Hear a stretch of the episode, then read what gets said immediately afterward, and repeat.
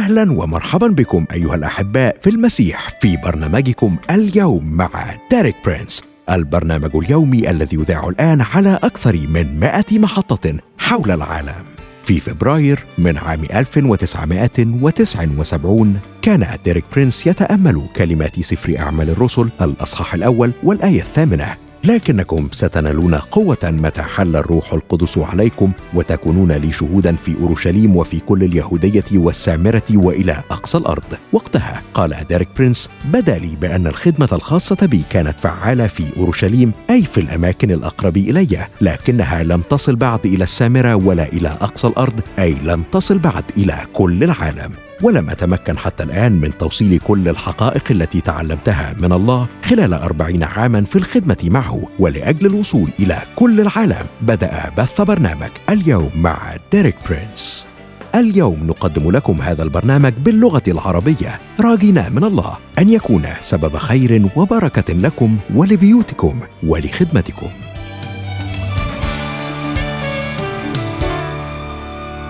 أهلا بيك صديقي المستمع في برنامج اليوم مع ديريك برينس. واهلا بيك يا مريم في تاني حلقة من سلسلة حلقات السير في أرض وعود الله. أهلا بيك يا أشرف واهلا بصديقنا المستمع. في حلقة النهارده يا مريم اللي عنوانها كيف تستقبل غفران الله هنتعامل مع بعض المشكلات اللي بتقابلنا في حياتنا اليومية بشكل كبير. وهنشوف مع بعض بطريقة عملية إزاي نلبي احتياجاتنا ونحل مشاكلنا ونكون بنتعامل معاها من خلال وعود الله اللي بتنطبق على كل حالة معينة والمطالبة بيها كمان. صح يا أشرف. والمشكلة اللي هنعالجها في حلقتنا النهارده هي مشكلة أساسية جدا في حياتنا الروحية وهي مشكلة الخطية. ودايما دايما يا أشرف في سؤال بيظهر قدامنا بعد ما بنواجه نفسنا إننا عملنا خطية ما. عارف إيه هو السؤال ده يا أشرف؟ إيه هو؟ إنه إزاي نقدر نتأكد إن الله غفر لنا؟ بص يا مريم تعالي الأول قبل ما نرد على السؤال ده بشكل خاص تعالي نشوف موقف الكتاب المقدس الواضح من الخطية. هنلاقي يا مريم إن الكتاب بشكل واضح جدا أثبت إن مفيش إنسان ما أخطأش وبمختلف جنسياتنا وثقافاتنا وخلفياتنا حتى في اختلاف الأديان كمان كل البشر أخطأوا. بيقول سليمان في سفر ملوك الأول 8 46 لأنه ليس إنسان لا يخطئ. كمان نقرأ يا أشرف في سفر اشعياء إصحاح 53 وآية 6 قال كده كلنا كغنم ضللنا ملنا كل واحد إلى طريقه. بنلاحظ هنا صديقي المستمع إنه في كلمات بتأكد إننا كلنا أخطأنا زي كلنا وكل واحد. وبلاش يا مريم نحصر شكل الخطية في القتل أو الزنا لكن الحقيقة الثابتة إننا كلنا بشكل أو بآخر أخطأنا. كلنا مشتركين في العند والتشبث برأينا. إحنا عصينا الله وسبنا طريقه وكل واحد راح طريقه الخاص بيه. ومع الأسف الشديد يا مريم إن طريقنا ده مش هو طريق الله. وده موجود يا أشرف في العهد الجديد. بولس بيقول نفس الكلام ده في روميا 3 23 إذ الجميع أخطأوا وأعوزهم مجد الله. فخلينا صديقي المستمع نكون متفقين إن جوهر الخطية مش شرط يكون قتل أو زنا أو سرقة. مش لازم تكون حاجة فظيعة أو كبيرة. لكن أقدر أقولك إن الخطية هي إنك تفشل في تحقيق مجد الله في حياتك أو إنك تفشل تعيش حسب قوانين الله أو إنك تفشل في تحقيق الهدف اللي أنت اتخلقت علشانه. أو يا مريم إننا نفشل في تلبية متطلبات ربنا مننا. الله خلقنا بامتياز إننا نعيش حياة فيها بندي المجد كله لله. عشان كده لما بنخطئ إحنا بنسلب من ربنا مجده وبنفشل في إننا نقوم بالدور والمسؤولية اللي اتخلقنا عشانها. يعني يا صديقي المستمع بمنتهى البساطة كده نفهم إن الخطية هي فشل في إننا نقوم بالوظيفة اللي ربنا خلقنا علشانها. والفشل ده إحنا اللي مسؤولين عنه. وما ينفعش نحط لنفسنا أعذار وحجج ونقول إننا ما ينفعش ما نغلطش. بمعنى هنغلط هنغلط. لكن لازم ناخد بالنا إننا مسؤولين عن خطايانا. بالظبط يا مريم هو ده جوهر الخطية. خلينا نطلع فاصل نسمع ترنيمة مع بعض ونرجع نكمل حلقتنا. يلا بينا.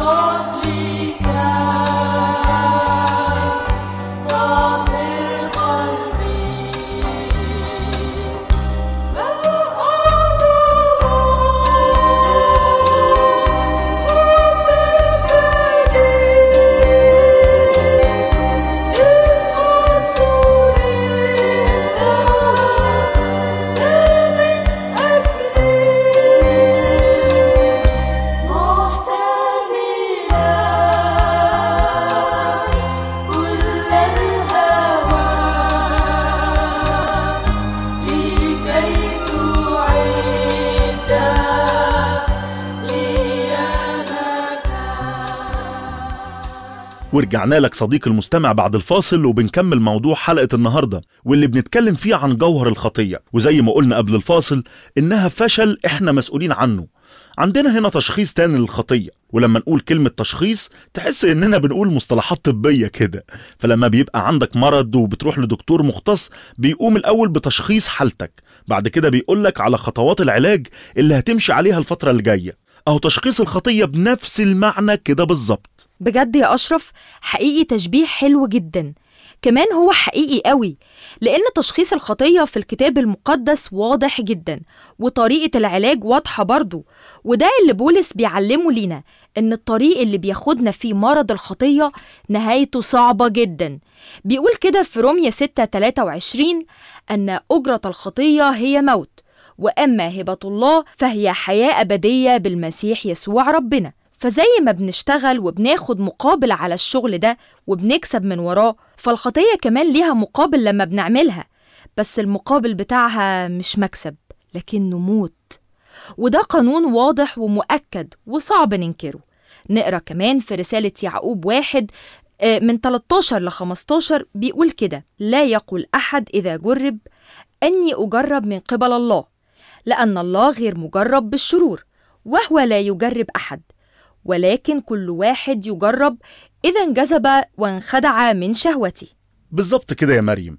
يعقوب هنا قفل الباب بشكل حذر جدا. قدام أي شخص ممكن يفكر يرمي اللوم على الله بسبب خطية إحنا عملناها. لما قال كده لأن الله غير مجرب بالشرور وهو لا يجرب أحدا بالشر. تعالي كده يا مريم نخرج نسمع شرح ديريك في وجهة نظره لقانون الخطية. يلا بينا. عندما نجرب تكون شهوتنا ورغباتنا المنحرفة هي التي تنقلنا بعيدا وتغرينا بعمل الخطية. ثم يأتي التشخيص في العدد الخامس عشر من ذلك الأصحاح. ثم يكمل يعقوب قائلا ثم الشهوة إذا حبلت تلد خطية والخطية إذا كملت تنتج موتا.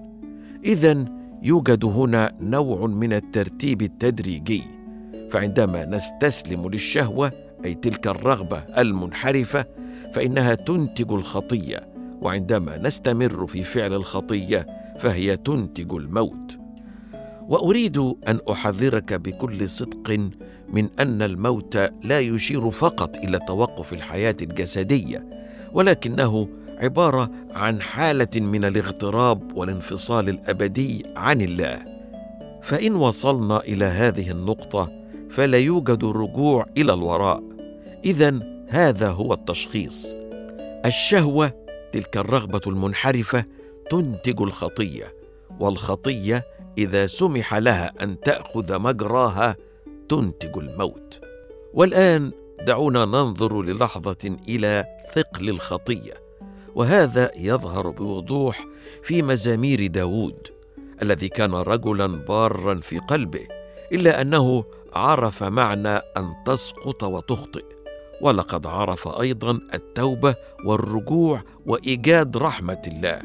وهذا ما قاله داود في المزمور الثاني والثلاثين والأعداد من الثالث إلى الخامس لما سكت بليت عظامي من زفير اليوم كله لأن يدك ثقلت علي نهارا وليلا تحولت رطوبتي إلى يبوسة القيظ.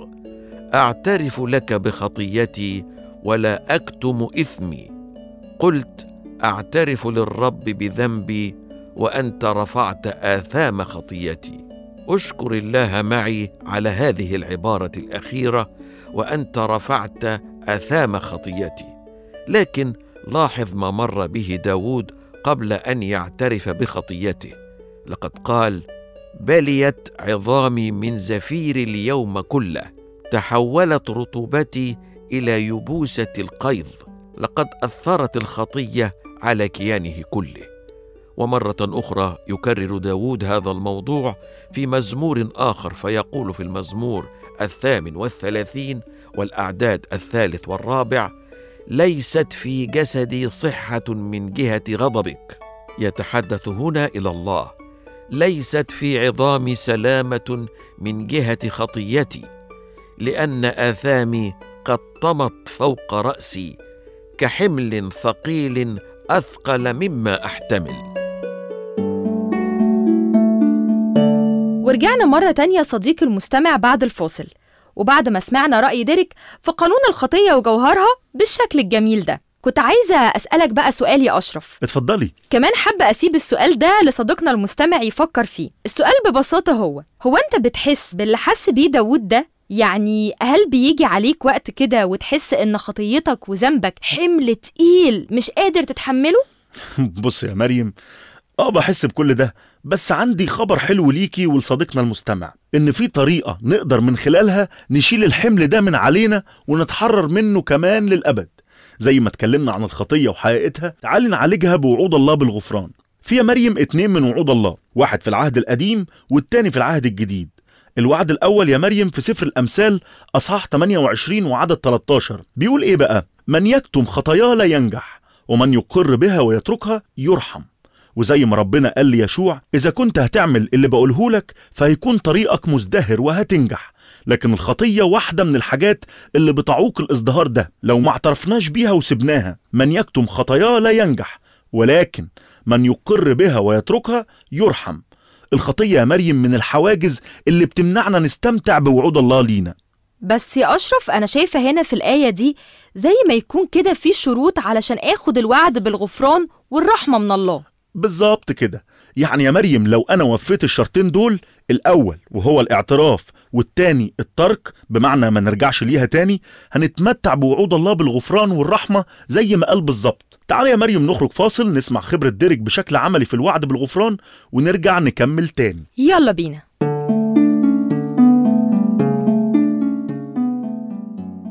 لقد قابلت بعض الأشخاص الذين كان لديهم انطباع بطريقة أو بأخرى بأنهم إن لم يخبروا الله عن خطاياهم فإن الله لن يعرفها ابدا. وبالطبع هذا أمر مضحك. فالله لا يطلب منا أن نعترف بخطايانا من أجله لكن من أجلنا لأننا عندما نعترف بخطيتنا وعندما نخرجها بصدق إلى العلن ونتواضع أمام الله فإننا نفتح الطريق أمام الله لكي يتعامل مع خطايانا ويخلصنا منها. ولكن إن تمسكنا بها وحاولنا إخفاءها فلا توجد طريقه يمكن أن يساعدنا الله بها أو يتعامل بها مع خطايانا. ثانيا علينا أن نتخلى عن الخطية علينا أن نتركها علينا أن نتحول عنها. علينا أن نقرر أننا لا نريد الاستمرار في العيش بهذه الطريقة وأننا لا نريد الاستمرار في ارتكاب خطايا من هذا النوع بعد الآن. هذا قرار يأتي من الإرادة والإرادة مشتركة في هذه الصفقة مع الله. وإن لم نتخذ قرارا محددا بحسب الشروط التي وضعها الله لنا فلن نتمكن من اختبار رحمة الله. وبعد ما سمعنا ديريك صديقي المستمع وشفنا إزاي لما بنوفي الشروط اللي علينا بنلاقي الوعد بيتحقق في حياتنا. طيب يا أشرف أنت كنت قلت لنا إنه في وعدين. قلت لنا الوعد الأول. إيه هو بقى الوعد التاني اللي في العهد الجديد؟ آه بص يا ستي الوعد التاني موجود في رسالة يوحنا الأولى أصحاح واحد وعدد تسعة. بيقول إيه بقى؟ إن اعترفنا بخطايانا فهو الله يعني أمين وعادل حتى يغفر لنا خطايانا ويطهرنا من كل إثم. هنلاحظ هنا يا مريم للمرة التانية الله بيطلب مننا إننا نعترف بخطايانا. ولما بننفذ الشرط ده بنتعلم حاجتين عن الله. بنتعلم إن الله أمين وعادل وإحنا محتاجين نشوف الأمرين دول مع بعض عشان ببساطة مرتبطين ببعض وبيشتغلوا كمان مع بعض. الله أمين ووعد إنه يغفر ومش ممكن يتراجع عن وعده أبدا إذا اعترفنا. وكمان هو عادل جدا إنه يغفر لنا لأنه سبق حط عقوبة للخطية على شخص الرب يسوع لما اتصلب وعلى الصليب يسوع دفع هناك عقاب الخطية للجنس البشري كله وبشكل نهائي وكامل. أمين يا أشرف. أمين فعلا نكون بنتعلم نوفي شروط الله في الاعتراف والتوبة وإننا نتوجه لله. وقتها هيتحقق الغفران النهائي اللي مش ممكن يتعارض مع عدل الله. أمين يا مريم. ومرة أخيرة وفي نهاية الحلقة خلينا نلخص مع صديقنا المستمع اللي المفروض علينا نعمله وهو ثلاث حاجات. صديقي المستمع ركز معايا. واحد نعترف بخطايانا. اتنين نتركها ما نرجعش ليها تاني. تلاتة بالإيمان أتمتع بالغفران الإلهي. ولازم نصدق إن الله هينفذ اللي وعدنا بيه. في ختام الحلقة هسيب معاك ثلاث كلمات صديقي المستمع. اعترف اترك استقبل غفران الله. ونشوفك صديقي المستمع في حلقة جديدة من حلقات السير عبر أرض وعود الله في برنامج اليوم مع ديريك برنس. كان معاك مريم مؤشرف. مع السلامة. عزيزي المستمع إن كان لحلقة اليوم مع ديريك برينس تأثيرا على حياتك وفهمك لكلمة الله إن أردت أن تكون شريكا معنا في هذه الخدمة وتريد الصلاة لأمر معين أو تريد الاستماع لهذه الحلقة مرة أخرى أو تحميل الكتب أو دراسة الكتاب المقدس تواصل معنا من خلال موقعنا www.dpmarabic.com إلى اللقاء في الحلقة القادمة من برنامجك اليوم مع ديريك برينس.